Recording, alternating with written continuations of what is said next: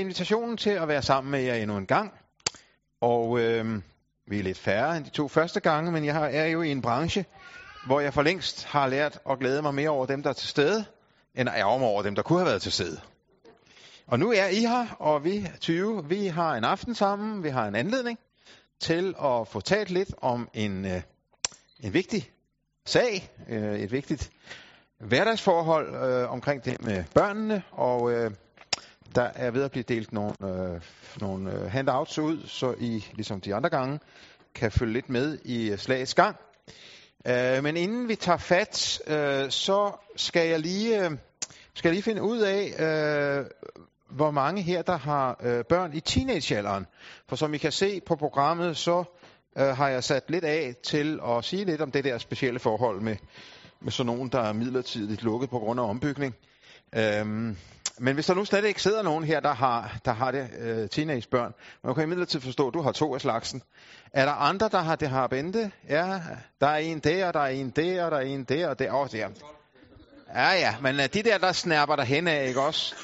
Uh, 9, 10, 11 års alderen, det er jo allerede præpubertet i dag. Jamen det er fint, det giver god mening uh, at tage, tage det tema op, og inden øh, jer, der har småbørn, får set jer om, så har I også teenager. Så det, det er godt at være forberedt, ikke? Ja. Øh, og det betyder, at der bliver øh, ligesom tre klumper i det i aften. Der bliver først øh, lidt om, om det, jeg kalder opdragelsens oplæringspyramide. Øh, nej, omsorgspyramide, øh, omsorgspyramide. Skal vi lige se, om vi kan få den her. Det er den der model, som jeg også har lavet på jeres øh, bilag. Øh, sådan lidt en generel øh, tænkemodel. Og så skal vi snakke medier. Og så skal vi altså snakke teenager. Og så har jeg tænkt mig til sidst at have lidt sådan, samlet lidt op på det, vi har været sammen om de tre aftener her. Og undervejs bliver der lidt snakkesekvenser og øh, mulighed for, som sagt, at lade samtalen rulle til sidst. Jeg skal også lige huske at sige, at jeg har husket at tage nogle af det der hæfte, øh, hvordan snakke med børn og unge om sex, øh, som er, vi har et særtilbud til her i Silkeborg for 30 kroner. Så det kan I bare tage derned og lige mobile pay 30 kroner, eller, eller give mig det cash. Den her model, opdragelsens omsorgspyramide, har jeg øh, sådan over årene øh, selv udviklet med lidt inspiration forskellige steder fra. Øh, men for mig selv har den været en god hjælp til ligesom at få øh, flere af de der begreber, som vi også har været inde på de andre aftener, ind i en lidt større helhed. Hvad skal egentlig fylde mest? Det er nogle gange, at noget af det, som er oppe i toppen af pyramiden der, der står noget med konsekvenser skal ud, det snakkede vi om sidste gang, at det ligesom fylder det hele. Og det skal måske i virkeligheden bare være toppen af, af, af pyramiden, mens noget af det, der ligger øh, nede for neden, det tænker vi slet ikke på, og tror slet ikke, at det er en del af opdragelsen, hvilket det rent faktisk er. Så modellen er lavet på den måde, at, øh, at man i udgangspunktet skal bruge meget af det, som er nederst. Det er næsten sådan en kostpyramide, ikke sandt, som vi husker fra vores gammeldags FDB-plakater. Øh, det skal man bruge meget af. Det øverste kan ikke undværes men, men det skal man forholdsmæssigt bruge mindre af, i hvert fald i den ideelle verden. Så lad mig lige kort gennemgå, hvad der menes med de her ting. Det, som er det basale i øh, opdragelsens omsorgspyramider. Jeg vælger bevidst det ord omsorg, fordi nogen tænker, altså det der opdragelse, det er sådan noget, det er ligesom til overs, og så bagefter, så kan vi have omsorg for børnene, når vi er færdige med at skælde ud. Øh, sådan ser jeg det ikke. Jeg ser alt det der, som omsorg for barnet. Også de gange, hvor det slår lidt gnister, og, og der måske er lidt, øh, lidt øh, konfrontation øh, i luften.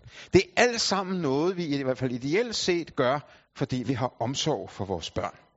Og det nederste, det er opmærksomhed, det er involvering, det er opmundring, det er samtale.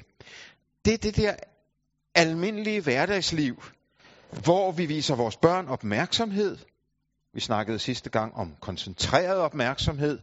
Der er både den sådan almindelige opmærksomhed, der gør, at man lytter til sine børn, men altså også, at man nogle gange vælger, Sofus, nu får du min særlige opmærksomhed i, i, i to timer, fordi vi tager på en cykeltur sammen, eller vi, vi, vi gør et eller andet sammen, eller noget. Øh, involvering, som handler om hele det med at dele liv med hinanden. Der er grænser for, hvor meget vi skal udlevere af vores voksenliv han mener ikke, at man skal invitere små børn eller ej heller store børn med ind i soveværelset og delagtiggøre dem i alle fars og mors vanskeligheder og sorger og smerter. Det skal små børn ikke belemres for meget med. Men i en eller anden grad, i højere grad end vores forældre gjorde, må vi dele noget af det, som er personligt stof med os selv. Øh, der er sket noget over generationerne her, som gør, at, at jeg tror, at vi i dag øh, gør klogt i øh, og lukke lidt op, især når børnene bliver lidt ældre, lukke lidt op for, at vi har sådan set også øh, nogle udfordringer. Jeg kan også godt være ked af det, fordi min mor, din mormor, er syg, eller hvordan det nu er. Lidt personligt, uden at det bliver øh, svælgende. Opmundringer, samtale, alt det der, det er meget basalt. Og man tænker næsten ikke på, at det er en del af opdragelsen, men det er på en måde bære bjælken i den her øh, pyramide. Så kommer der et lag, jeg har kaldt rammer, regler og rutiner, som efter min mening er et meget vigtigt lag i hele den her sammenhæng. Øh, ikke mindst i en tid, som er meget fragmenteret, øh, hvor der er utrolig mange indtryk. Vi, vi distraheres enormt meget. Det har jeg skrevet Facebook-opslag øh, om, som kommer i overmorgen på KPI's øh, Facebook, så det er sådan lige i mit hoved nu. Der er så utrolig meget, der distraherer os, trækker os alle mulige andre steder hen.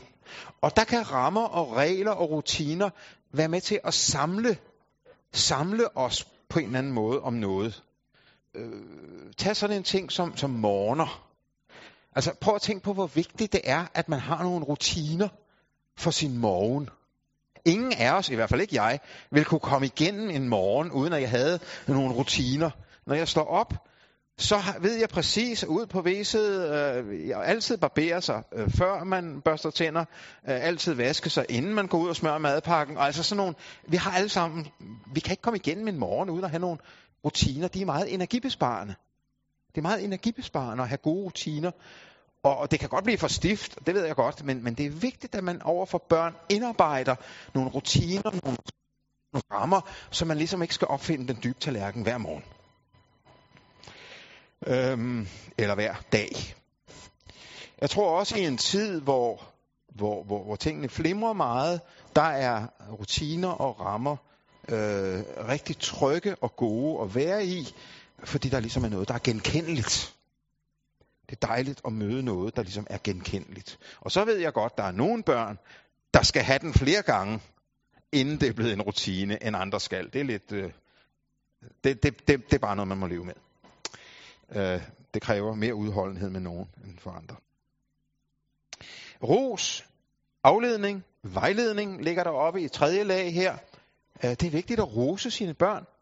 Man skal bare vide forskel på det at rose dem for noget, de gør, og så elske dem for det, de er. Man kan ikke erstatte kærlighed med ros.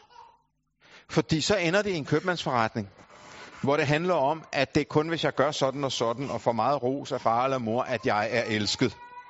Det er den betingede kærlighed. Øh, ros er godt, ros er vigtigt. Øh, man skal bare huske at skelne mellem det at rose sine børn, og så det at elske dem. For de skal elskes, også når der ikke er noget at rose dem for.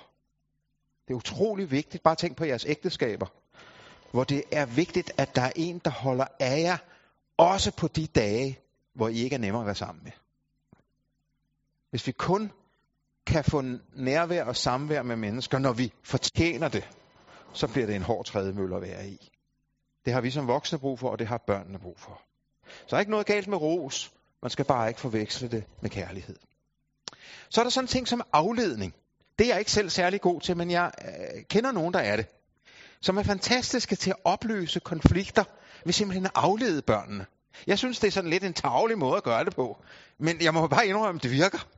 Jeg har en familiemedlem, jeg skal undlade at sige, hvem det er, som er fantastisk til at finde tusserne og saksene og papiret frem, og midt i en eller anden konflikt, hvor alle er ved at rive hovederne hinanden, så plus, vupti ved hjælp af nogle øh, sakse og noget tusch og noget ting og sager, vupti, så forsvinder konflikten.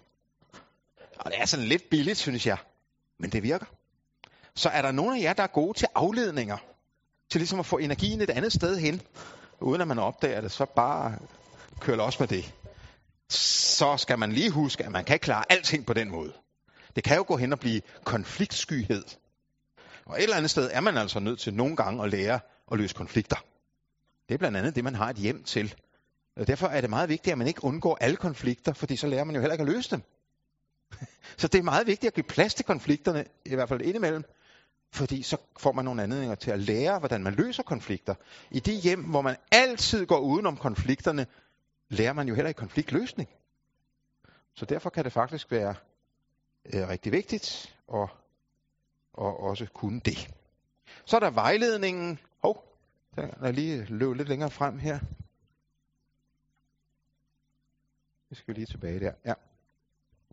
Øh, vejledning øh, talte vi lidt om sidste gang. Det her med, at man ikke altid behøver at komme med ordre, især over for de halvstore børn, nu kommer til teenagerne lidt senere i dag, så er den der vejledningsfunktion øh, vigtig. Så stiger vi lidt op i, øh, hvad skal vi sige, i øh, varmegrader her. Øh, formaning, advarsel, påtale var vi også lidt inde på sidste gang.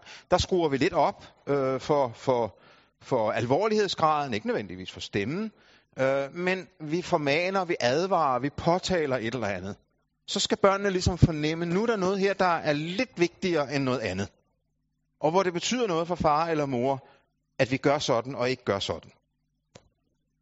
Uh, vi synes for eksempel, det er meget vigtigt, at vi kan stole på hinanden her i familien. Så også når I har gjort noget dumt, og noget, som I skammer jer over, så er det bedre at komme og sige det, end at prøve at lyve om det. Sådan en, en ting, det er meget vigtigt. Jeg kan huske en gang, min, en af mine børn øh, var kommet til at køre ind i en bil på vejen hjem fra, øh, altså en bil, der holdt stille, ikke sandt, på vejen hjem fra skole, og han havde øh, kørt ind øh, bag i bilen, så, så, øh, så et af de der glas, der sidder på, var, var gået af. Og øh, han gik lidt rundt om den varme grød, og til sidst så, så kom han jo alligevel ud med sproget. Altså han var kommet til at gøre det der. Jamen okay, så lad os køre hen til ham manden, der ejer den bil, jeg kan huske præcis i skærn, hvor det var, og ringer på og siger sådan og sådan. Min søn er kommet til at gøre det og det, og han var flink og venlig. Jeg tror ikke engang, vi kom til at betale noget for det, for han siger, det skal jeg nok øh, fikse. Men det, at det gør vi.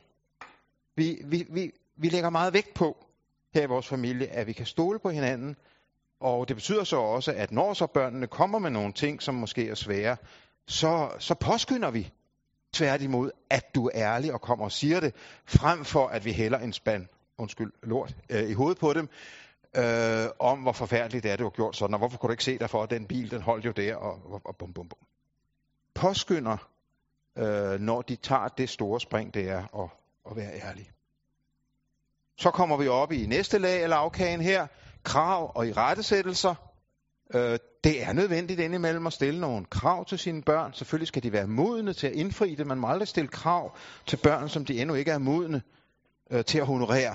Men det ved vi jo selv, når vi har tilstrækkelig tid sammen med vores børn, hvornår øh, de er modne til det. Der skal vi indimellem stille dem over for nogle krav. Og hvorfor skal vi det? Jo, det skal vi jo, fordi den aktuelle situation byder det, men også fordi, at det skal man jo også lære at takle. Børn, som aldrig møder krav, eller næsten ingen krav møder, kan jo godt få lidt af et chok, når man så senere hen i livet faktisk bliver stillet over for nogle krav i skolen, eller senere hen på en arbejdsplads. Det er rigtig vigtigt at kunne håndtere krav. Kunne, kunne magte det der, at der er noget, man nogle gange skal gøre, og hvor der så også nogle gange skal være plads til den gode protest. Det er i orden indimellem, at børnene protesterer. Du må gerne protestere over det her. Jeg forstår også godt, at du synes, det er irriterende, at du skal støvsuge her i huset, øh, når nu de andre løber på rulleskøjter udenfor. Øh, det forstår jeg godt, men du skal gøre det alligevel.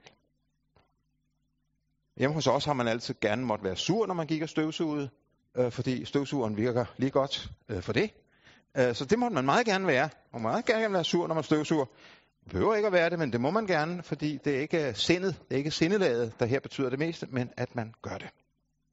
Og så er der altså lidt i toppen af, af pyramiden her, som vi snakkede om sidste gang, som nogen slet ikke vil have med, som nogen af dem, der snakker opdragelse, siger, det, det må vi kunne klare os uden.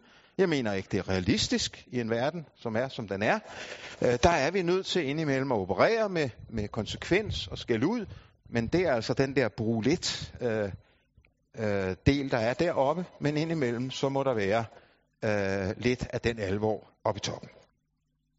Og så bare lige nogle få eksempler på, hvad det kunne være. Det der med at have en god konsekvens, det synes jeg ofte er en langt bedre idé, end at opfinde en eller anden pusseløjelig straf for noget. Så hvis 9-årige Mads har tisset ved siden af væsekummen, måske den ene gang efter den anden, så kan konsekvensen være, at han selv skal vaske væset. Jeg har sagt det en af de foregående gange. Det er meget vigtigt at få drenge til at lære at vaske WC'er. Det er dem, der pisser det mest til, så de skal også lære at gøre det rent. Har 8-årige Gerda i raseri smidt en kop mælk på gulvet, så kan man sætte hende til at tørre den op. Det er en gylden anledning til at lære, hvordan man vrider en gulvklud og får den øh, våd og så lidt tørre og så videre. Så lærer man lige lidt om, om gulvvask i samme omgang. Og har Nana øh, taget sin venindes Barbie-dukke med hjem og beholdt den en uge, inden mor opdager det, så kan konsekvensen være, at hun med mor i hånden selv skal levere den tilbage. Og det er selvfølgelig, hun, hun synes jo, Gerda, eller Nana hedder hun her, at det var lidt nemmere, hvis mor bare gik hen og leverede den tilbage. Men der kan konsekvensen altså være, nej, nej, vi går der sammen hen. Nu går jeg, tager med dig i skole her til morgen, og så går vi sammen hen til Nana og afleverer barbie Og du siger, jeg har haft den den sidste uge. Det, det skulle jeg ikke have gjort. Og hvis Jesper på 10 år, den ene gang efter den anden, sidder så uroligt og forstyrrer hver aftensbordet på en sådan måde, så det forstyrrer alle og enhver, og han forpester stemningen, så kan konsekvensen være, at han må ind på sit eget værelse og spise aftensmad et par dage. En af vores børn har måttet igennem den tur mere end en gang, øh, og det er sådan ligesom, der er også noget i det der med, selvfølgelig, selvfølgelig er det lidt træls at blive udelukket fra, fra måltidsfællesskabet, men det skal jo også være lidt træls, ellers virker det ikke. Øh, og det er jo ikke noget, man tager skade af at sidde og spise inde på sit værelse. Det kan jo så gå hen og blive så attraktivt, så han larmer hver gang, fordi det er meget sjovere at sidde derinde, så kan man spille lidt computerspil samtidig med sådan noget. Så må man altså lige prøve at vende femøren. Øh, og har Daniel på 11 år drillet Jens med, at hans far og mor er blevet skilt, så kan konsekvensen være, at han simpelthen skal sige undskyld til Jens. Du er nødt til at sige undskyld for det her, for, fordi det, det er ikke fair, og det er ikke i orden, at du har drillet øh, med, at, at, at din kammerats farmor er blevet skilt. Man kan også bruge konsekvens sådan lidt forebyggende. Hvis ikke du gør sådan og sådan, så bliver konsekvensen at. Altså hvis ikke du får samlet det der legetøj op, som ligger ude på græsplænen, inden klokken halv syv, så er der ikke noget børnefjernsyn. Kommer der børnefjernsyn halv syv? Det gjorde der i, i gamle dage. Et, et eller andet, ikke? Altså, hvor, hvor man ligesom siger, men nu får du, og der skal børnene have en vis alder, før de kan, kan, kan klare det, men sådan fra 4-5 års alderen kan de sagtens klare det. Hvis ikke du får ryddet op derude nu, så bliver konsekvensen det og det. Og så er det jo altså meget vigtigt, at man udbetaler konsekvensen. Og ved man med sig selv, at man ikke kan udbetale konsekvensen, så skal man ikke sige det. det er så hammervigtigt. Og derfor er det meget bedre at have nogle få steder, hvor man siger, sådan bliver det, og så gennemføre det, end at have 25 ting, hvor man siger, konsekvensen bliver sådan og sådan, og så er det kun to af de 25 tilfælde, man, man gennemfører det. Det har noget med troværdighed at gøre, og øh, det er vigtigt for børn. Jeg siger altså ikke, at det altid kan klares på den måde, men jeg siger, at det kan være med i øh, den samlede værktøjspasse. Nu har jeg brugt mest ud af toppen og givet eksempler på det, øh, men altså det er hele pakken her som sådan, som jeg synes giver en god ramme for, for helheden i omgangen med børn. Øh, der kan også være faldgrupper øh, i hver enkelt af de der lag, det er jeg godt klar over, men det, at der er faldgrupper og afveje, må ikke afholde os fra at, at prøve at gøre det rigtigt. Der er så meget brug for tilgivelse og for overbærenhed også, når man er forældre. Øh, også at vi tilgiver og bærer over med hinanden som ægtefæller, når man synes, konen virkelig har gjort noget dumt, eller man virkelig har gjort noget, der var forkert. Øh, at man så nogle gange bare går op og siger, okay, du satte det der skib i søen, jeg synes, det er rigtig dumt, at du gjorde det, men nu har du jo gjort det, så bakker jeg dig op, og så efter aftenkaffen, eller når øh, børnene er lagt i seng, så kan man tage den bagefter og sige, jeg synes, det var dumt. Men man er nogle gange nødt til at følge op på sin øh, ægtefælles øh, ligesom begyndelsen på et eller andet. Øh, og så være lidt lojal, og så tage øh, snakken på voksenbasis øh, senere. Som sagt synes jeg, det er en meget bedre idé at have nogle gode konsekvenser, som hænger naturligt sammen med det, et barn har gjort, end forskellige strafmetoder. Jeg er for eksempel på ingen måde tilhænger af, at man straffer børn med husligt arbejde. Det synes jeg er en dårlig idé, for husligt arbejde er jo ikke altid sjovt, men det er jo da noget, der skal gøres. Det er da et ærligt arbejde, apropos Luther og hvad ved jeg. Det er da en ærlig og god sag øh, øh med husligt arbejde. Og bruge det som sådan en, det er bare det værste.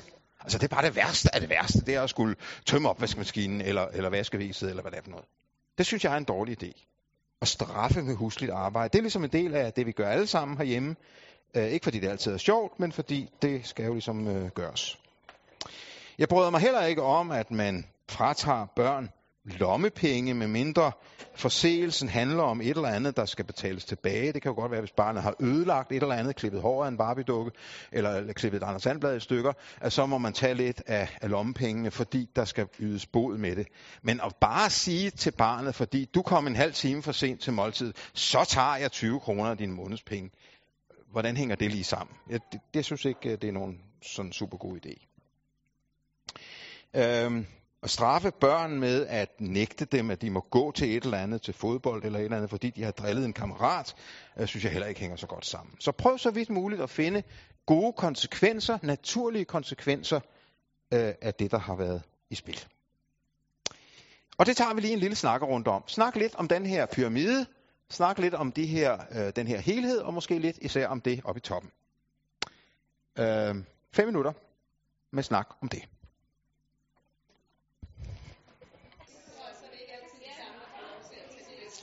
Ja, så er de fem minutter gået. Øh, jeg hører, at der nævnes en del cases rundt omkring fra de små hjem. Det lyder rigtig godt. Det er også det, vi lærer mest af. Øhm, nu går vi over i et tema, som, øh, som kan man sige, bliver mere og mere relevant. Øh, som altid i en eller anden grad har været relevant, i hvert fald de sidste sådan mange år. Øh, men hele spørgsmålet om medier og skærmforbrug og alle sådan nogle ting, det ved jeg i mange, i mange børnefamilier øh, er et issue og et tema også til konflikter og til, til udfordringer. Og derfor synes jeg, vi øh, skal kigge lidt på det. Øh, I kan også se på jeres papir om på bagsiden er der en lille snakkeafdeling med det. Øh, men vi tager det her, den her klump nu øh, inden øh, kaffen og den der kage, som vi kommer og sidder og venter på. Øh, det bliver om cirka 20 minutter. Så kan I indstille maveuret efter det. Med medier er det som med lommeknive. Er, øh, jeg mener, at hver god mand skal gå med lommekniv. Det er, det er sådan, det har jeg lært, da jeg engang havde biologi som linjefag. Så jeg har altid lommekniv på mig. Er den god eller ond? det er jo ikke til at svare på, vel? Den kan bruges til noget godt. Jeg bruger den til at rense negle med, og skære kage med, og lave, øh, men jeg vasker den en gang om året. Hvad enten den trænger til det eller ej. Ja. Øhm, men den kan jo også bruges øh, til noget ondt. Øh, vi kunne jo gå rundt og skære folk med den, eller øh, øh, øh, stikke hul på bildæk, eller nogle andre ting. Det, det er med medierne som med, med lommekniv og alt muligt andet, at det er redskaber. Det er ting, som kan bruges for det gode og for det onde. Og det, som så er særligt udfordrende, er jo, at medierne fylder så meget, som de gør, og at det kan være så svært at afgøre, hvornår det er den gode brug, og hvornår det er den dårlige brug. Det, det er lidt sværere end med en lommekniv.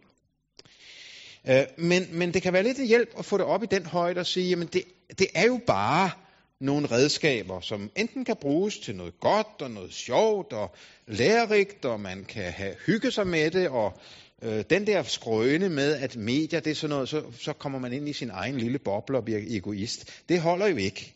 Fordi man kan, der er mange PC-spil for eksempel, som, som, som har meget socialt i sig, hvor man spiller imod hinanden, og far og søn måske spiller sammen. Øh, man kan faktisk også have noget hygge ved at sidde og se noget sammen på en skærm, sidde og, og nuller børnenes ører, eller hygge sig med det og se et eller andet sammen. Så, så øh, det der med, at, at medier altid er sådan noget egotripagtigt noget, det, det holder ikke helt, selvom det selvfølgelig også kan bruges på den måde. Samtidig er medierne også en motorvej af skidt og bras og alskens øh, mærkværdigheder og forfærdeligheder. Og derfor har vi den her udfordring med at bruge, uden at misbruge, lukke dem ind i vores hjem, uden at de kommer til at fylde det hele. Man kan sige, øh, der er to veje, som er meget nemme at vælge her. Det er enten at forbyde næsten alting, eller tillade næsten alting. Jeg tror ikke, jeg, jeg tror ikke længere, der er særlig mange, som går den første vej, og ikke har fjernsyn eller ikke har internet. Øh, for år tilbage var der nogen, der valgte den øh, policy. Jeg kender nogen, som simpelthen, de, de, de havde ikke fjernsyn, mens børnene var, var små. De havde slet ikke fjernsyn. Det kan man selvfølgelig godt vælge. Det tror jeg ikke mange, der gør i dag. Øh, men problemet ved at vælge den der totale fravalgsvej, det kan jo være, at det bliver sværere at oplære børnene i den rigtige brug af medierne. Øh, på den anden side er det også meget nemt, hvis man bare lukker ladeporten op og siger, nej, men det er altså, ja, der er lige nogle få ting, vi sorterer, de ser ikke horror, når de er tre år, og der er visse grænser, men ellers, så, det, vi orker simpelthen ikke at styre på det der. Lad dem bare køre, det, vi, vi, vi magter det ikke. Det synes jeg også er en, en, en lidt for let vej i virkeligheden at tage. Jeg tror, at den gode vej, det er den lidt vanskelige vej. Det er at sige, det er her, og vi er nødt til at tage det med ind i vores hverdag og vores liv, og så må vi sammen, børn og voksne og unge og teenager, prøve at finde en god måde at øh, administrere det på. Øhm, og det handler jo både om kvantitet og kvalitet. Det handler om kvantitet, nemlig hvor meget skærmtid skal vi have, og det handler om kvalitet, nemlig om det vi så ser på, eller bruger, eller de sociale fora vi er i, øh, om de kvalitetsmæssigt set er okay eller ej. Skal sige lidt om et øjeblik om det med eksponering og sex, som jo er en af vinklerne i, i det her spørgsmål. Øh, jeg har den holdning, og I må gerne være uenige, men jeg har den holdning, at op til børnene er cirka 13 år, der har forældrene stadigvæk vetoret over for, hvilke spil der indkøbes, eller hvilke film der ses, eller øh, de der ting. Jeg ved godt, det bliver mindre og mindre, som årene går.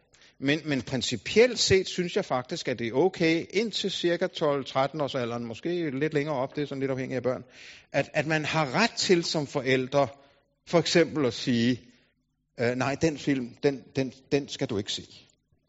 Måske man kender sit barn og ved, at selvom storesøster kunne se den her Harry Potter-film, så er det altså for tidligt for dig. Eller Ringenes Herre, eller Die Hard, eller hvad, tag nogle forskellige af de film, som er på, på banen. Eller nogle spil. Der er nogle spil, der er meget voldelige og meget voldsomme. Jeg mener principielt det er i orden at sige til sin øh, søn på, på 10 år, øh, jeg synes ikke, jeg har læst nogle anmeldelser af det der spil, og jeg kender det lidt og sådan, jeg synes ikke, øh, du skal have det spil endnu. Den ret, mener jeg, man som forældre skal have. Derfor skal man ikke altid bruge den ret. Men, men jeg vil gerne understrege, at jeg mener, man har den. I må gerne være uenige, og vi kan snakke lidt om, hvor langt skal det så gå op? Hvor langt, hvis man har sådan en vetoret, øh, hvor langt op går den så i forhold til børn? Det er ikke helt, helt nemt at sætte præcise mærker på. Øhm, når det angår omfanget af skærmtid, lad os kalde det det, for der er jo mange det er fjernsyn, det er internet, det er iPad, det er smartphone, og det, I kender alle de der skærme, som vores liv er fyldt af i, de her, øh, i den her tid. Børn og unge i Danmark øh, bruger i gennemsnit, det har jeg læst, øh, kan ikke lige henføre til, hvad undersøgelsen er, men det stod i hvert fald i en avisartikel, så forhåbentlig er det okay, øh, omkring syv timer om dagen i gennemsnit. Syv timer om dagen. Øh, jeg tror ikke, det gælder de helt små børn, men det gælder altså fra omkring skolealderen og, og op til teenageårene. Det er, jo, det er jo rigtig meget. Og der, der er sikkert talt den skærmtid med, måske også de bruger i skolen og forskellige andre ting, men at man har øh, et snit på, på, på, på det. Den typiske unge, og nu er vi altså oppe i 13, 14, 15, 16 års alderen, bruger 2-3 timer på internettet, Spil på computer, spilkonsol eller telefon 1-2 timer. Se film eller tv 1-2 timer om dagen. Sociale medier, Facebook, Twitter, Snapchat 1-2 timer om dagen. Så meget er vi oppe i, i, i et snit øh, i Danmark i de her år. Og der må man spørge sig selv, ønsker vi at ligge på snittet hjemme hos os? Eller øh, skulle vi måske sætte det som et mål og halvere?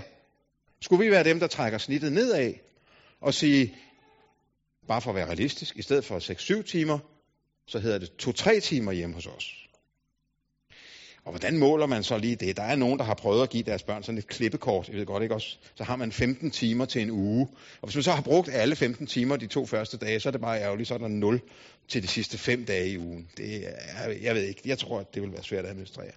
Men at man har en eller anden, en eller anden policy på feltet, øh, og snakker med sine børn om, hvad så børn på 6, 7, 8 år, som jo er meget interesseret i det her øh, spil, område, og sige, altså det her dejlige majvejr, der er det altså, der er det, der er det halvanden time om dagen, for at sige det sådan.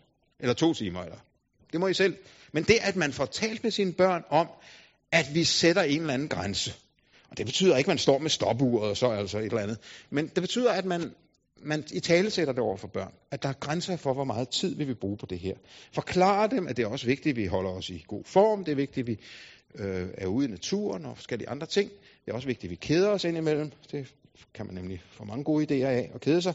Øh, så, så derfor er der visse grænser. Min pointe er ikke, at vi kan lave et katalog over det her, men at vi får talt sammen om det, og at vi ikke bare lader tingene køre, som de nu bare lige kommer, øh, og, og bare falder ind i det der alt for høje snit, efter min mening. Så i den her snakkeboble, som I får lige her om lidt, øh, der skal I snakke lidt om, hvad er rimeligt for en 3-årig, og en 8-årig og en 13-årig. PC-spil, for lige at give det et par bemærkninger med på vejen. Øh, der er mange gode PC-spil, så vidt jeg øh, er orienteret. Glimrende, god underholdning. Til med er der også nogle af dem, der er lærerige. Men øh, der er jo også nogle spil, som efter min opfattelse ikke er acceptable for meget vold, for meget sex, magt og nyreligiositet. Man er nødt til også som forældre at sætte sig bare lidt ind i, hvad der er på markedet. Jeg siger ikke, at du skal købe de der øh, blade og læse dem hver måned. Og så. Men de fleste ordentlige aviser har jo for eksempel anmeldelser af nye spil, eller man kan snakke med, med andre forældre og sige, kender jeres børn, kender I det spil, og hvad synes I om det der? Da mine øh, drenge var, var halvstor, var der et spil, der hed Hitman, som handlede om at dræbe folk og være en god legemorder. Det synes jeg ikke, han skulle have. Altså så længe han var 10-11 år. Så blev han 15 eller 16, så kunne jeg ikke styre med tingene længere. Så tror jeg, han købte sig Hitman selv og blev hurtigt træt af det. Øh, men altså, man er nødt til at sætte sig lidt ind i tingene. Også orientere sig lidt i, hvad der findes af film. Og, og, og lige læse nogle få anmeldelser, uden at det skal blive alt for bebyrdende. Og som sagt, benytte sig af hinanden og spørge lidt, snakke lidt med hinanden, nogen man har fidus til. Hvad synes I, og hvad gør I? Så er der hele spørgsmålet om sociale fora. Det er jo et helt felt for sig, og er øh, et meget væsentligt og stort felt i dag. Øh, internettet er jo ikke bare et sted, hvor man besøger nogle hjemmesider og så videre, eller ser nogle blogs. Øh, det er jo også i høj grad et sted for, øh, for social interaktion. Og der har jeg lyst til lige at bare nævne nogle sådan, øh, pejlemærker, som jeg synes, man skal øh, tale med sine børn om. For eksempel at minde sine børn om, at god opførsel også gælder på internettet. Selvom det er virtuelt, så er der jo et andet levende menneske derude i den anden ende. Det er der. Der sidder et levende barn, en levende dreng, eller en levende pige, eller en levende voksen. Så kommer vi det der med, at man kan gå ud så for, for en falsk identitet. Det er også noget, man må tale med børnene om. Det er ikke sikkert, at folk er så gamle, som de siger, og det er ikke sikkert, at de har det køn, som de siger. Du er nødt til at tage højde for, at folk kan lyve, eller give sig ud for at være nogen, de ikke er. Men man har god opførsel, man behandler andre mennesker på nettet og på, i sociale fora, sådan som man også skal behandle dem, hvis de stod øh, foran en.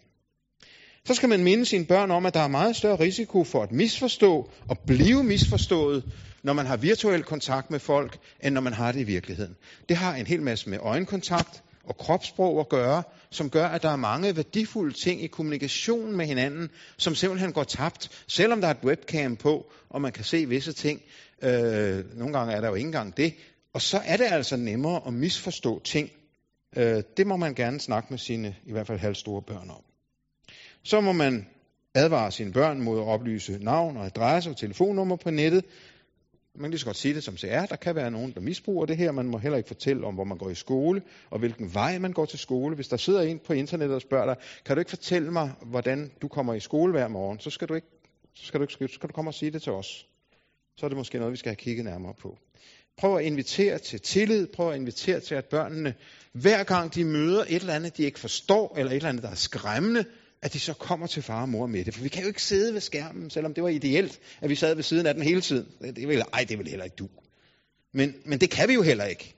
Og derfor er vi nødt til at hjælpe børnene ind i en forståelse af, at er der noget, så kom og sig det. Der, og med, den, øh, med alle de øh, pornobilleder, der også popper op, ser du et eller andet, som er skræmmende eller ulækkert, eller som du ikke kom, kom, kan forstå, så kom og sig det. Kom og sig det til far og mor. så vil vi prøve at, at snakke med dig om det. I stedet for at putte med det, i stedet for at være skamfuld, så prøv at komme og sige det. Det synes jeg er en meget, meget vigtig melding øh, at give sit barn. Så synes jeg personligt, at man er nødt til at holde fast i, at de aldersgrænser, der er for forskellige sociale fora, de skal respekteres. Også selvom de andre fra klassen har fået lov til at lyve om deres alder, og fået lov til at sige, at de var 13, selvom de kun er 11, eller hvor det nu er, derhen grænserne ligger. Det er min holdning, øh, at, man, øh, at man ikke skal lyve om sin egen alder for at komme ind på et, et øh, socialt medie, som man så altså ikke er gammel nok til. Hvilke billeder vil man lægge ud af sig selv? Husk, at øh, det kan misbruges, og øh, du skal tænke på, om de billeder, som du lægger ud, er nogen, du ønsker, andre skal se. Øhm, og øh, det kan have lidt at gøre med også at hjælpe barnet i den situation. Hvad nu, hvis nogen så har taget et billede, jeg har sendt ud, og manipuleret det, og lavet nogle ting ud af det, så kom og sig det til far eller mor, hvis det er sket. Vi må tage hånd om det. Det er faktisk ulovligt i nogle tilfælde.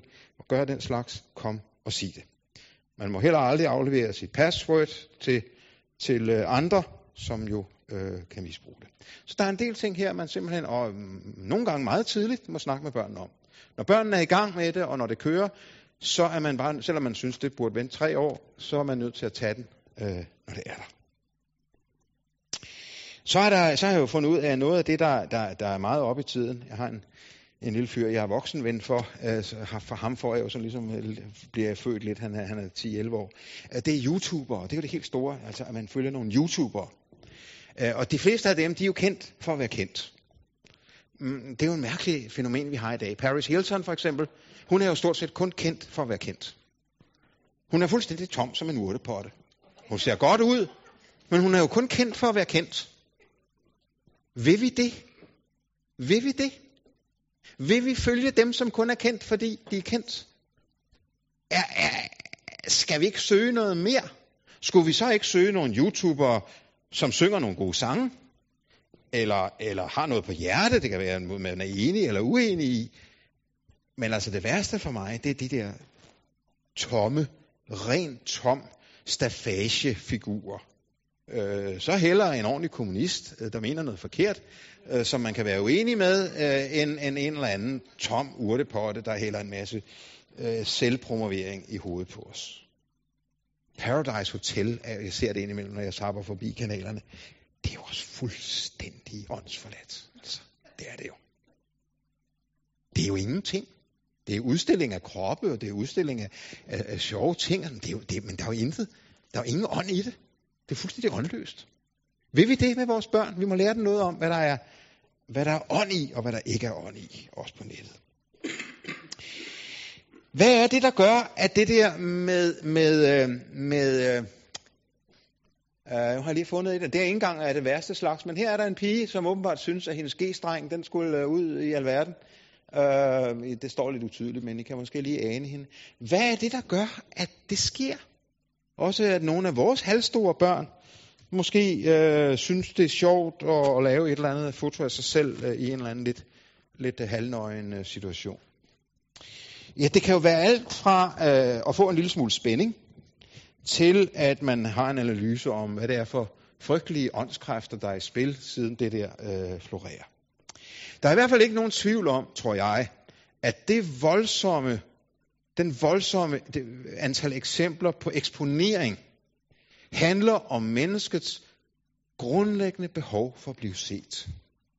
Vi har et dybt, dybt behov i os for at blive set.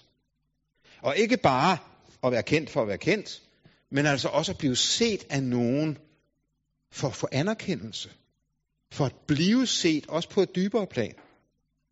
Og jeg personligt ikke er i tvivl om, at når den, øh, blandt andet seksuelle eksponering, som er så stærk i de her år, har så meget vind i sejlene, så er det fordi, der er en del, der ikke er blevet set i en mere fundamental forstand, øh, dengang de havde særligt behov for det, nemlig som ganske små.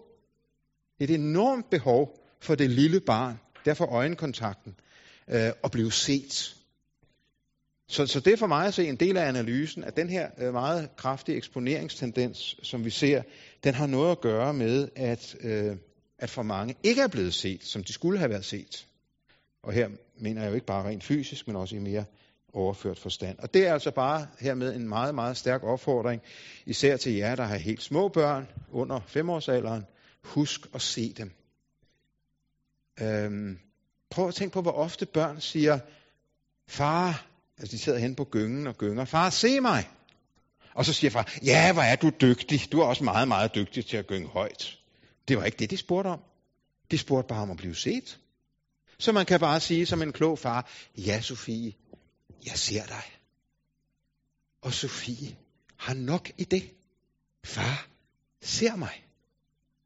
Og dit, dit flotte hvide hår, det flagrer i vinden. Ja, far ser det. Se dit barn. Vis opmærksomhed på dit barn. Og den her på lidt dybere plan, øh, den er meget, meget vigtig. Jeg siger ikke, at det løser alle problemer senere, men den er i hvert fald meget vigtig. Her tilkommer der jo også, at der i mange tilfælde er tale om et gruppepres, som gør, at når alle de andre veninder har lavet sådan nogle billeder af sig selv, så skal jeg da også lave et.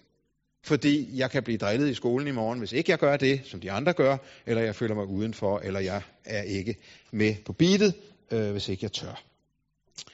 Øhm, så det der gruppepres må man også være opmærksom på. Det har meget at gøre med også at tale med sine børn om øh, sådan noget med forbilleder. Hvad er det for nogen, vi ser op til? Øhm, hvem, hvem er det, vi, vi, vi, vi, vi betragter som, som efterfølgelsesværdige? Og der findes der heldigvis nogen, der er efterfølgelsesværdige, i hvert fald nogen mere end andre. Øhm, man kan jo godt lære sin dreng lidt at skelne mellem den ene fodboldstjerne fra den anden, og sige, øh, ham der, han virker da godt nok lidt mere begavet end ham der, øh, den anden. Nu skal jeg ikke nævne nogen navn. Øh, altså, også der er der jo forskel på folk, som, som, som bare er ude på et, nemlig at promovere sig selv, og andre, som måske har noget på hjerte om sportens øh, skønhed eller, nogle andre ting. Øh, så prøv at hjælpe børn til gode forbilleder, øh, og lad være med i alle tilfælde at bare sige, du skal ikke se på sådan nogen, det er kun Gud, vi skal have som forbillede og sådan noget. Det kan godt blive lidt foranligt. Øhm, prøv måske også i den forbindelse at forklare lidt om, hvad der har været forbilleder i dit eget liv. I hvert fald når børnene bliver halvstore. Der var den præst, der var den øh, lærer i skolen, eller hvad det var, som blev et forbillede for mig af den og den og den grund. Det kan sådan et halvstort barn godt øh, spejle sig lidt i. Og så tror jeg endelig også, det er vigtigt at forklare sine børn lidt om, hvordan medierne fungerer, og hvordan meget af det her eksponeringscirkus fungerer. Øh, hele den sværm af, af interesse for både porno og skandaler, som findes på mange sociale medier og, og på nettet i det hele taget, handler jo i mange tilfælde om penge. Rent ud sagt, penge. De gør det ikke for deres blå øjnes skyld. De gør det for penges skyld, og der er meget i den her mediedrevne verden, som simpelthen er drevet af cool cash. Øh, derfor overdrivelser, derfor halve sandheder, fordi det kan man tjene penge på. Eller spare penge på. Det er godt, at børn, i hvert fald når de bliver lidt store, er klar over, at der er også en benhård øh, økonomisk side af alt det her, som, øh, som man skal være opmærksom på. Ja, der kunne siges meget mere om det. Jeg har et helt kapitel i min, i min bog, Tid til børn, om det, og der findes gode bøger om det i øvrigt. Men nu vil jeg lige sætte jer til at snakke, og mens I går i gang med den snakkeboks her, så kommer der altså lidt kage og sådan noget ind, og så kan I bare lade det fade ud i almindelig small talk. Så vi har sådan cirka et kvarter nu til, til en lille snak om det her, og til øh, at strække ben, og måske kigge lidt på bøger og sådan noget dernede. Øhm, jeg skal lige sige en enkelt ting, inden jeg lige introducerer øh, snakkeboksen her. Øh, jeg havde sidste gang øh, den her Børn i pluralisme med, øh, som er en rigtig, den er helt sprit øh, nyudkommen. Øh, jeg havde den med for, for 14 dage siden, da den var helt ny. Øh, som er god til, øh, til øh, studiegrupper eller forældresnakke. Måske bare sammen med et andet par, eller tre-fire andre par måske allerede nu næste vinter øh, skulle sige, jamen øh, vi, vi tager tre aftener sammen, eller to aftener, eller et eller andet. Og der er nogle meget gode og lavpraktiske oplæg i den her bog. For eksempel om børn og seksualitet, om børn og medier, om børn og skole, og sådan nogle ting. Hvordan hjælper vi vores børn i den verden? Der ligger også nogle flyer dernede, hvis I vil fortælle nogen om bogens eksistens. Den kan både købes i papirudgave og øh, i elektronisk udgave, bestilles på KPI. Så ligger der også dernede nogle af KPI's øh, nyhedsbreve, Kristenpædagogisk Institut, hvor jeg arbejder, Øh, I er velkommen til at forsyne jer med de blade, og hvis nogen skulle have lyst til at blive støtte, eller hvad hedder det, blive medlemmer af KPI, og på den måde få vores blad fire gange om året, og blive stemmeberettigede medlemmer i, i instituttet, så kan I skrive jeres navne på en liste, der ligger dernede. Men nu er altså en lille snak om øh, det her. Hvad gør vi, når ungerne sidder med iPad'en, computeren eller Playstation i timevis, eller når de gerne vil have det på værelset? Og så byder jeg ind med følgende. Det nye elektroniske isenkram kan vi lige så godt tage til os og acceptere, at det bliver en endnu vigtigere integreret del af børnenes hverdag, end den var i vores. Men vi har et ansvar for, at børnene gør børnene til bevidste brugere af isenkrammet. Øh, kvantitet og kvalitet handler det om. Så jeg beder jer først om at drøfte, hvor mange timer, hvor mange timers skærmdag, og nu kan I sige, at det, der sker i skolen, det er ikke jeres ansvar, så det tager jeg ikke lige med nu. Hvis, hvis I tænker på jeres hverdagsliv derhjemme, og weekenderne måske lidt mere, og hverdagen lidt mindre, hvad er så rimeligt for en 3-årig, en 8-årig og en 13-årig? Bare lige for at have lidt pejling på det. Øhm, gør dit barn den tjeneste at øve censur? Det var det, jeg snak, begyndte med at sige lidt om. Og hvad har jeg så skrevet i den sidste boks? Nu har jeg ikke lige den originalversionen her der har jeg skrevet noget om... Nej, den har jeg udladt den sidste pind. Ja.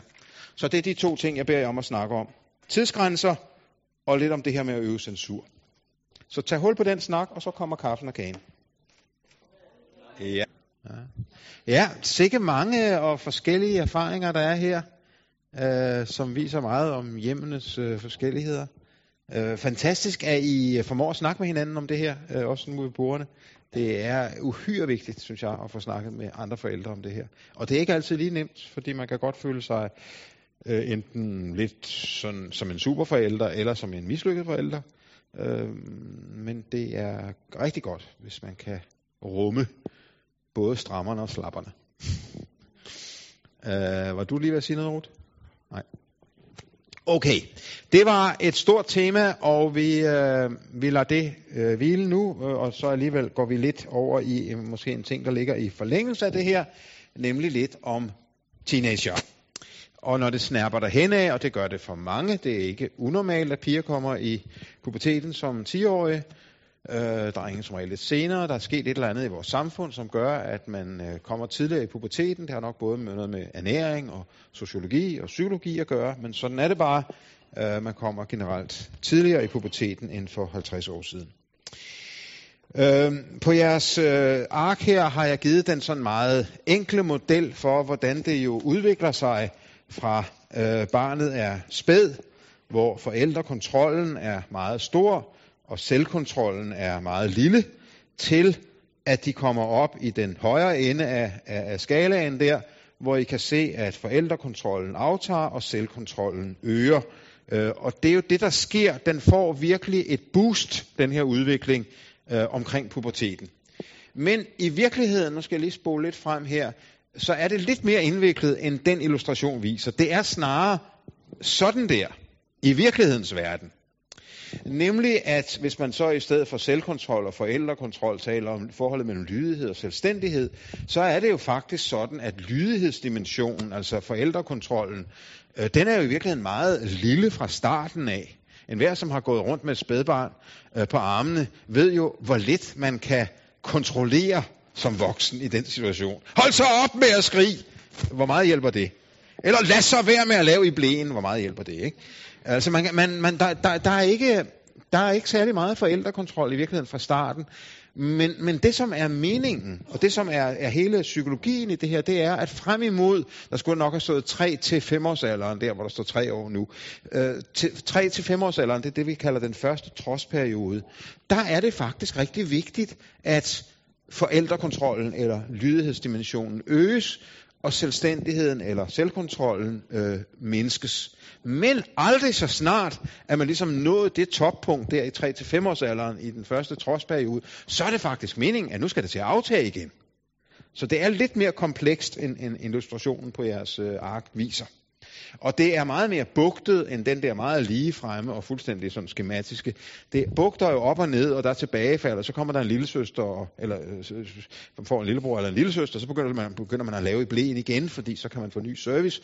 Når lille søster skal have lov til at blive skiftet, så skal jeg da også have den service. Og der kan ske mange ting op og ned og op og ned. Øh, men sagen er så, at når vi kommer frem imod cirka 14-årsalderen, der skulle også have stået 12-14-årsalderen, altså øh, pubertetens øh, indtræden, så kan I se, så sker der en wum, en hastig nedglidning. I perioden fra, fra pubertetens indtræden og frem imod 18-årsalderen, er det sådan set meningen, at øh, forældrekontrollen skal afvikles, og det skal overtage med selvkontrol. Eller øh, selvstændighed, som jeg kalder det her. Bemærk lige, at den der pind, den går ikke helt ned i hjørnet. Fordi bliver vi nogensinde helt personligt modne, så vi ikke længere har vores far og mor til at spøge et eller andet sted der i kulisserne. Det tror jeg faktisk ikke.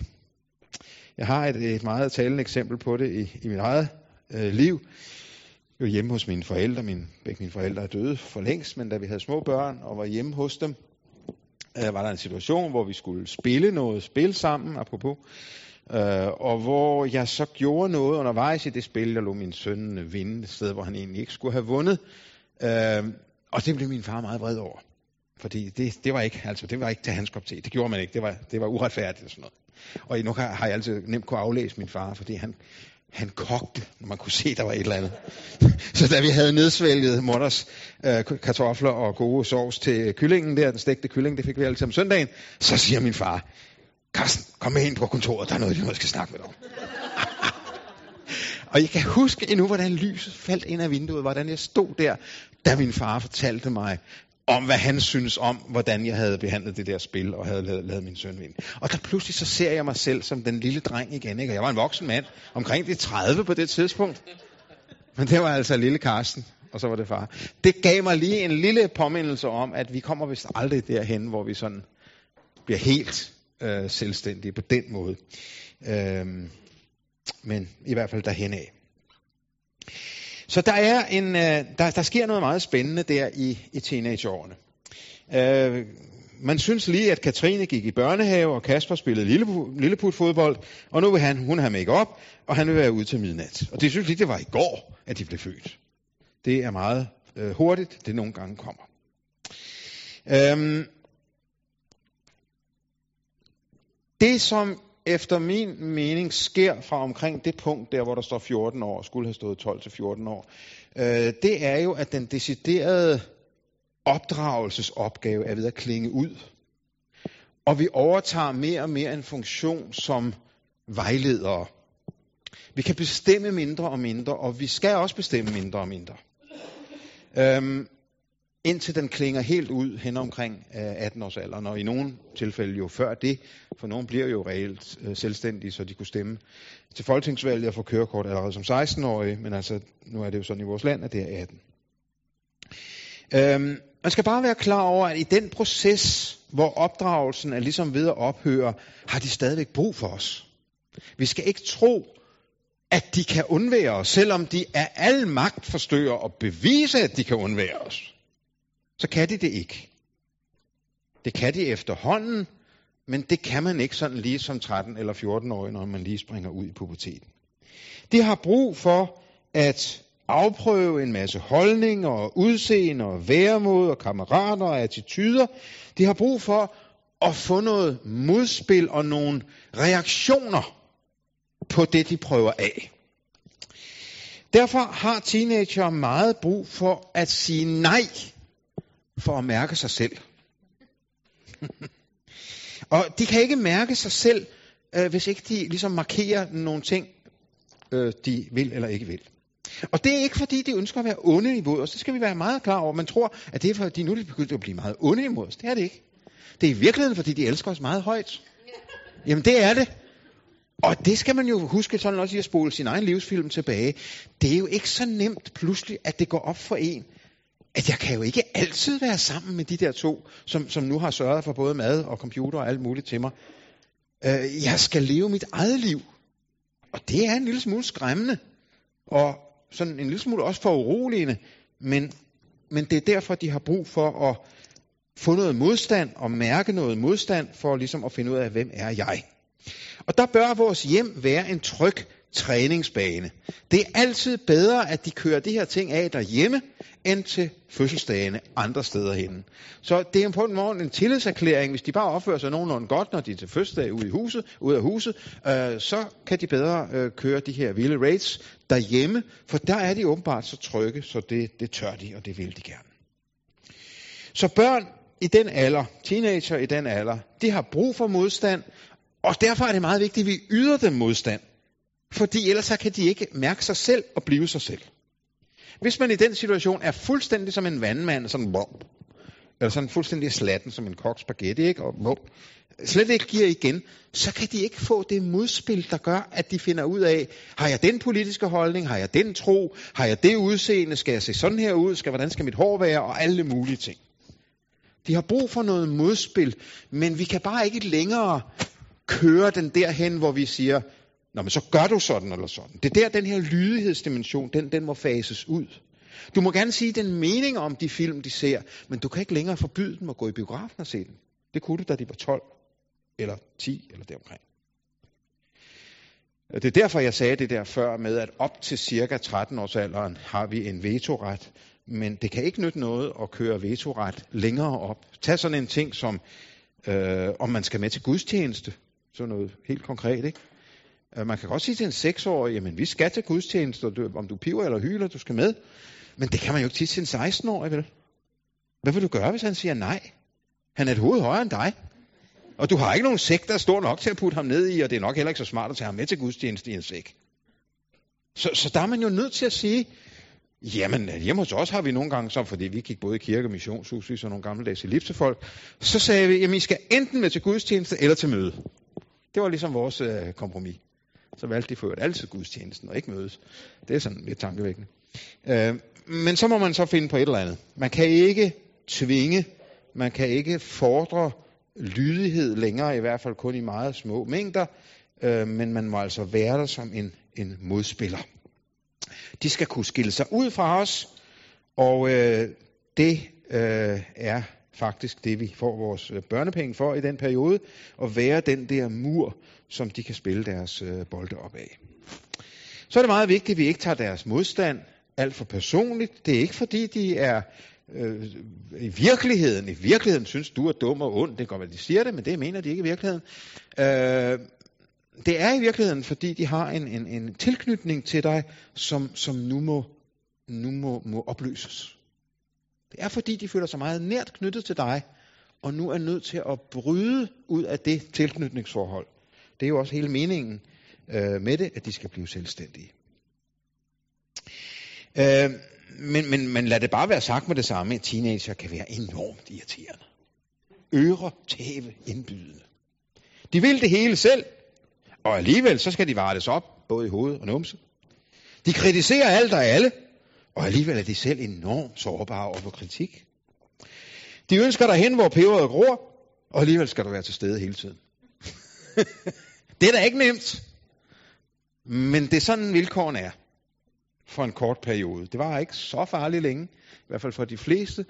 Så kommer man igennem det der pas, øh, og man skal også have lidt ro i maven og sige, at det, det er sådan, det er, øh, og, og så vide, at det, det går over på et tidspunkt. Øh, man kan godt føle som forældre, at man hele tiden gør det forkerte. Øh, og så fristes man til ligesom at trække sig. Og ligesom, nå, jamen, så må de også bare passe sig selv. Og selvfølgelig skal de også passe sig selv i højere grad, end de har gjort før. Men det betyder altså ikke, at vi bare fuldstændig skal, skal fade ud og være fuldstændig ligeglade eller utydelige derhjemme. De har brug for os som sparringspartnere, som rollemodeller, som diskussionspartnere, for eksempel om vigtige spørgsmål som, hvornår er man syg nok til at blive hjemme fra skole? Hvor hyppigt er det øh, rimeligt at smide tøj til vask? De tror jo, at fordi far eller mor vasker derhjemme, så kan man skifte underbukser tre gange om dagen. Og, og, og, og bruge øh, syv skjorter i løbet af en dag. Det kan man da ikke. Så, det, så må du i hvert fald selv vaske det. Øh, så hvor, hvor, hvor, meget gør man? Hvor meget lokumspapir bruger man? For nu vil det blive meget lavpraktisk. Og nogen, der bruger en halv rulle, det behøver man ikke. Det er ikke nødvendigt. Og det er mig, der betaler lokumspapiret, så øh, der må være visse grænser. Og jeg mener jo ikke, du skal sætte antal på lige præcist. Men altså alligevel. Hvor ofte kan man tillade sig at pjekke fra gymnasiet? Hvad skal jeg mene om den tv-udsendelse? Hvad er et passende forbrug? Går man til gudstjeneste, når man har været op til klokken 3 om natten? Skal man holde, hvad man har lovet farmor? Alle den slags vigtige spørgsmål er du nødt til at være sparringspartner på. Ikke at du kan styre og dirigere med tingene, men de har brug for dig som en sparringspartner, som en rollemodel, som en person, de kan måle sig op af. Og hvis ellers de har haft, og det tror jeg, de har, et godt og nært tillidsforhold til dig for inden, så vil de øh, tage ved lære af det, du står for. Måske ikke lige i situationen, men så øh, af, af år eller over tid. Øhm, lad mig tage en case, som jeg vil sætte jer til at snakke om lige om et øjeblik. Øh, en ikke helt øh, ukendt øh, situation med Cecilie, som er 16 år, og kommer hjem en dag og fortæller, at hun vil på Roskilde, som det hedder, eller herover er det vel Skanderborg, eller et eller andet, man tager på, øh, fordi det skal alle de andre. Hun skal på musikfestival, øh, fordi det skal alle de andre fra klassen. Alle de andre skal man tage med en vis græns salt. Det betyder måske to, men det bliver hurtigt til alle de andre. Det er nemlig de to, hun måler sig mest med, der skal på Roskilde eller Skanderborg. Cecilia er ikke så moden, så hendes forældre synes faktisk ikke så godt om ideen. De synes også, det miljø, der er på, på Skanderborg eller Roskilde, ikke lige er det, de bryder sig så meget mest om. Så hvad skal man gøre i den situation, hvor Cecilie kommer og siger det? Jeg tror ikke, det er klogt uden videre at afvise enhver mulighed for, at det kan komme på tale. Dels er Cecilie jo i en alder, hvor hun er tæt på i hvert fald at være på det tidspunkt, hvor hun, hvor hun kan øh, sige, jamen det gør jeg. Øhm, og for det andet, så kan det måske være meget klogt nogle gange at træde lidt vande, og måske er der nogle ting, der faktisk løser sig, hvis man ikke bare sådan lige i samme sekund siger nej. Mm, så måske hold den lidt kørende i, i, indtil i, i morgen. Det skal vi lige tænke over i aften. Det skal far og jeg lige snakke om. Så kan vi lige tage den op i morgen. Så synes jeg, man skal interessere sig lidt for, hvorfor Cecilie øh, synes, øh, det her er så sjovt og så vigtigt. Øhm, spørge hende lidt, være lidt øh, interesseret, hvad koster det, hvad, hvem skal med, hvordan vil du overnatte, og sådan lidt et almen interesse for at danne sig et indtryk af det. Man kan nemt som forældre få et eller andet billede af folk på druk, og de skæve af has hele tiden, og det, det, og det er jo ikke sikkert, det er sådan øh, hele tiden, vel? Eller for alle. Øhm, man kan måske også snakke med nogle andre forældre om det øh, lidt undervejs. Øh, måske det viser sig, at der er en ældre kusine til Cecilie, som også skal med, og de kan sove sammen i teltet, og der kan måske være nogle ting. Hvis det så ender med, at Cecilies forældre ikke vil have, at hun skal tage til Roskilde eller Skanderborg, så synes jeg, det er bedre at sige til hende, vi vil ikke have, at du tager med på den tur. Det synes jeg godt måske med en 15-16-årig, man kan gøre. Der er de og de grunde til det, og når du bliver et år ældre eller to år ældre, så kan du selv bestemme, men, men her og nu. I stedet for at sige til Cecilie, vi er dybt rystet over, at du kan finde på at spørge om den slags. For det gør vi ikke her i vores hjem. Så Cecilie skal få et problem mere ud over det, hun har, nemlig at hun er forkert, og det er fuldstændig tåbeligt, at hun kan få den her idé. Så hellere et, et konsekvent og sådan lidt, lidt øh, sådan, nu har vi overvejet det, vi har snakket om det, og vi er alle ting taget i betragtning, så synes vi ikke, du skal det. Øhm, og det vil jeg godt lige uh, sætte jer til at snakke en lille smule om uh, i den her snakkeboks, der er her nederst på, uh, på siden. Um, og så vil jeg lige runde lidt af med at sige lidt om teenager og alkohol, når I er færdige med det. Um, jeg skriver her, tal om det skønne og vanskelige ved at have teenagebørn. Uh, også så jer, der ikke har det endnu, kan jeg forberede på det. Og så er der lige Cecilie her. Uh, hvordan, uh, nu har jeg lige spillet ud med, hvad jeg tænker om det. Hvad vil I gøre, hvis det var jeres Cecilie på 16, som ikke er sådan voldsomt moden? Hun er ikke, hun er ikke så, så moden endda. Hvad vil I gøre med hendes spørgsmål om at tage på Roskilde? Det får I lige en fem minutter tid til at snakke om. Ja. Det var de fem minutter. Jeg tror, at øh, jeg tager fem minutter nu, som er det sidste, jeg sådan lige øh, har på tapetet. Og så bruger vi de sidste kvarters tid, 20 minutter, på en snak om alt muligt, hvad I har lyst til. Men jeg har lyst til lige at sige en lille smule om øh, alkohol og unge, og så har jeg lyst til at sige lidt om øh, måden, vi kan kommunikere på med børn og unge om nogle af de her ting. Jeg tror, det har lidt at gøre med både det med, med, med, med hvad hedder det, øh, PC-spil og computer og alt det der skærmtid, vi snakkede om før. Men øh, først lige en lille smule om, øh, om, om unge og alkohol.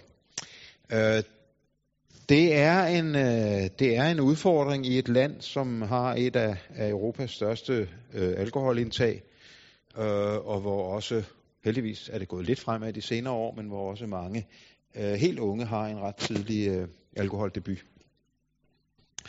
Øh, lad mig lige for ærlighedens skyld sige, at jeg selv er afholdsmand. Dem findes der efterhånden ikke så mange af i kirkelige kredse, men vi er en lille uddøende race. Jeg har tre øh, klassekammerater fra den gang, jeg gik i folkeskolen, der døde af druk. Øh, og jeg har et par eksempler fra min ungdom på, på øh, ledere i de kirkelige sammenhænge, hvor jeg, hvor jeg øh, kom, som, øh, som var øh, skabsalkoholikere og nogle forskellige andre oplevelser har sat sig lidt i sindet på mig, og øh, det er sådan min egen lille... Det er slet ikke øh, noget, jeg gør til et kardinalpunkt, øh, men, men det er en ting, der er lidt vigtigt for mig, at, øh, at vi ikke bare glider ind i den almindelige, øh, hvad skal jeg sige, lidt bevidstløse kultur, som jo også på mange måder har bredt sig til, til kirkelige kredse, øh, og også her forholder os lidt bevidst. Øh, man skal være klar over, at der er en sammenhæng mellem øh, tidlig øh, alkoholdebut og så øh, risikoen for øh, misbrug senere hen. Og det betyder jo så ikke, at alle, der smager alkohol for første gang som 13-årig, så også bliver alkoholikere. Selvfølgelig ikke. Øh, men der er faktisk nogle gode grunde til at tøve med, med debuten. Og øh, der tror jeg, at vi skal også her få snakket lidt med vores teenager og så forklare lidt om, hvordan øh, i vores hjem er i forhold til, til de andre. Ikke at man nødvendigvis ikke kan komme med til nogle fester, øh, men at øh, vi har en lidt anden policy på det her felt. Og øh, der er jo også noget her, der handler om, at for eksempel kristendom er jo ikke kun et spørgsmål, om man drikker alkohol eller ej. Øh, det kan godt nogle gange i nogle unges øh, bevidsthed ligesom blive det hele. Det kan man kende folk på. Øh, det er jo, det er jo ikke tilfældet men skabe en bevidsthed og også skabe en, hvad skal jeg sige, en vis øh, standhaftighed eller en vis, øh, måske en stolthed hos unge mennesker ved at øh, sige, at jeg er ikke med på den der øh, fyldegalej, som de andre i klassen er. Øhm, igen er det lidt et spørgsmål om at tale om det, og først og fremmest så hænger det jo også sammen med, hvilken alkoholpolicy vi selv har. Der er rigtig øh, meget her, der ligesom med medierne, som vi snakkede om før, i meget høj grad handler om, hvordan vi selv øh, håndterer det.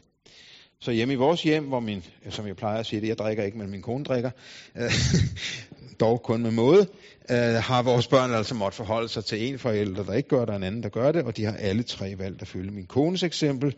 Det er jo bare bad luck for mig, men øh, det må man leve med.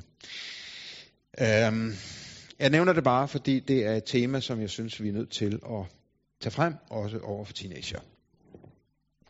Og så lige en sidste model, jeg vil smide i hovedet på jer, som jeg bilder mig ind, kan bruges i flere sammenhænge. Nu har jeg brugt øh, eksemplet her med Sigurd, der skal støvsuge, men det kan også handle om øh, skærmtid og, og mange andre ting af det, vi har været inde på her. Jeg vil lige nævne, fordi jeg synes, det for mig selv har været en god måde ligesom at få, det, få, få skabt lidt overblik over tingene ved, at sige, der er ligesom ofte i hovedsagen tre veje, man kan gå, når man har et eller andet, som man gerne vil sætte igennem over for sine børn. Man kan enten begynde sådan i den meget hårde ende. Sluk så for den computer, og det skal være nu. Se så for støvsuget, og det skal være nu. Og øh, mor spiller ud med det her voldsomme øh, følelsesudbrud. Hun har nemlig gået i flere timer og sparet op på det. Og nu eksploderer det så. Og så finder hun alligevel, da hun så får sagt det der, ah, det er også lidt synd for Sigurd. Så nej, du kan godt lige vente lidt. Og så glemmer Sigurd, og så fader det ligesom ud og bliver til ingenting, fordi mor begyndte alt for ambitiøst, og kunne ligesom ikke køre den hjem, og så, så dappede det ligesom ud. Det er, en, det er en dårlig strategi. Men det er også en dårlig strategi at gøre det modsatte, den som vi kan se her i den midterste, hvor mor eller far øh, begynder sådan meget langsomt og meget forstående og meget pædagogisk. Du kan jo godt forstå, at det er meget vigtigt ting på, hvad støvmider kan gøre, og nu må vi jo have det, og vi må alle sammen hjælpes om det, og, øh, og, og ja, ja, det er også surt, og så videre, så videre. Nå ja, men øh, og du skal nok få en is også. Men så trapper den op derned af, for så bliver mor sur, og så siger Sigurd, det vil han ikke, og så, så kommer mor op i det røde felt, eller far. Du kan da heller aldrig. Du får aldrig mere is. Nu er det slut. Og så ender det i et eller andet øh, tordenbrag. Øh, og enten ender det med mor, eller måske Sigurd støvsuger. Men det har været en proces, der gik fra sådan noget meget stille til noget meget eksplosivt. Så både den vej, hvor man begynder meget eksplosivt og falder ned som et lam, eller modsat, øh, begynder meget stille og så ender op på vulkanen, øh, de er normalt ikke så gode. Derimod er den tredje vej, øh, den man mener, man skal øve sig på. Du skal støvsuge. Det har vi bestemt, eller det har jeg bestemt, øh, og vi skal være sammen om den her øh, jordhule her, og, og det skal du så gøre nu. Men øh, så er man også villig til at lave et godt kompromis, hvis det skal være nødvendigt. Okay, så får du lige 15 minutter, et kvarter mere ved computeren. Det er så okay, ja, vi laver en, vi laver en deal. Det kan jeg godt leve med. Gode kompromiser skal man bestemt ikke gå af vejen for. Men så er mor også så fast i kødet, så hvis ikke du gør det, når der er så gået 17 minutter, så går hun hen og holder fingeren lige over den knap, hvor man slukker for hele baduljen. Og hun gør det, hvis ikke han ser at få lukket ned for det der program. Hun gør det faktisk. Ja, så ødelægger du min bane. Ja, og det overlever du. Det var en aftale. Du vidste for et kvarter siden, du fik det her kvarter, nu er der gået 18 minutter. Nu slukker vi. Og det kan sikkert mor øh, eller far øh, råber så meget op, men det er den her vedholdenhed, øh, stedighed, eller det her, det skal altså gennemføres. Og så vil man oftere opleve, at man kommer igennem med det. Altså at man begynder i et vist alvorsniveau, holder det alvorsniveau, også selvom man laver nogle kompromiser undervejs, og ligesom øh, fører den igennem. Det er ofte mere effektivt end de der meget store følelsesudbrud, som vi nogle gange kan. Og det har også lidt med vores temperament at gøre, det ved jeg godt. Der er nogen, der har, har nemmere for det her, end andre har, men generelt øh, så er det ligesom den tredje vej, som oftest øh, bærer frem. Og det gælder på det her felt og på en hel del andre felter. Den havde jeg lige lyst til at servere. Det, var, var, I, var I mange gode bidrag her? Det er dejligt at, at høre. Øh, jeg ønsker også for jer, at I, I fortsætter samtalen, og måske også sætter det lidt øh, i system på en eller anden måde, eller, eller samles, som sagt, næste vinter, og øh, fortsætter den her samtale. Det tror jeg, vi har godt af. Jeg sad der lige øh, i forgårs, da jeg forberedte det, og tænkte, hvad, hvad er det for fem ting, jeg lige vil sige til sidst til de her gode folk i Silkeborg? Altså det, det, det har jeg lige, jeg har ligesom lige fem dots her til sidst, og så, så skal vi runde af. Øh, pas på med idealerne, er det første, jeg har skrevet. Det er lidt apropos det, vi lige snakkede om før.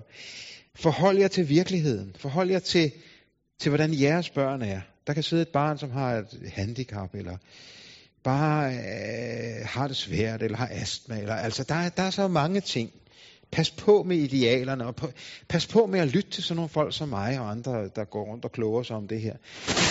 det vil godt advare lidt imod. Vi, vi, vi har der så mange eksperter for tiden på det her felt. Find jer selv, og, og, og, og pas lidt på med alle de der øh, idealer, som, som bliver stillet op. Forhold jer til, til jeres virkelige børn. Og så for det andet, prøv at have tid nok sammen med jeres børn. Det er den der tidsfaktor, som er så vigtig. Øh, hvad enten man er til den meget konsekvente type, eller man ikke er lige så konsekvent. Man er strapper eller slapper. Bare man har et vist kvantum af tid sammen med sine børn til at, at mærke dem, til at lære dem at kende, og til at vide, hvordan de skal have det, øh, så, så kommer man altså langt. Og tiden er på mange måder den faktor, der ofte skal kæmpes for, og det må man så også ligesom gøre i, i, i sit øh, voksenliv, og det har jo lidt at gøre med, hvor ofte vi skal på ferie, og hvor stor en båd vi skal have, og, og, og, og sommerhus og mange andre ting. Der er en tidsfaktor sammen med børnene, især når de er små, som er uhyre vigtig. For det tredje, tro på dine egne evner til at være den far eller mor, som netop dit barn har brug for. Øhm, tro på dine egne evner. Giv dig selv lidt mere kredit Øh, stol lidt mere på din egen sunde intuition, også når den går på tværs af, hvad eksperterne mener. Øh, mærk, mærk dig selv, og, og, og have, have tro på dine egne evner. Jeg tror, vi alle sammen, fordi vi er skabt af Gud, der har sat det her projekt i søen, også fra naturens hånd har en vis øh, evne på det her felt, og den, den må vi tro på. Så er der den der lille engelske, det der engelske lille visdomsord. Øhm, al god børneopdragelse kan nedskrives til tre ord. Do not harm. Altså, vold ikke skade. Så længe du ikke tæsker dine børn øh, gule og blå, så længe du ikke øver en cest imod dem, og så længe du ikke udsætter dem for omsorgsvægt, så skal det nok gå. det er selvfølgelig lidt minimalistisk. Øh, men et eller andet er der nu altså om det. Der, det, det skal nok gå, hvis bare vi øh, ikke volder den her grove skade på vores børn. Selvfølgelig er der mere at sige end det, men den, er, den kan være meget god at skrive sig bag øret. Og for det femte og sidste, vis dine børn, at du elsker dem, for det gør du jo. Mm, og det gør vi altid, men vi får ikke altid vist dem det.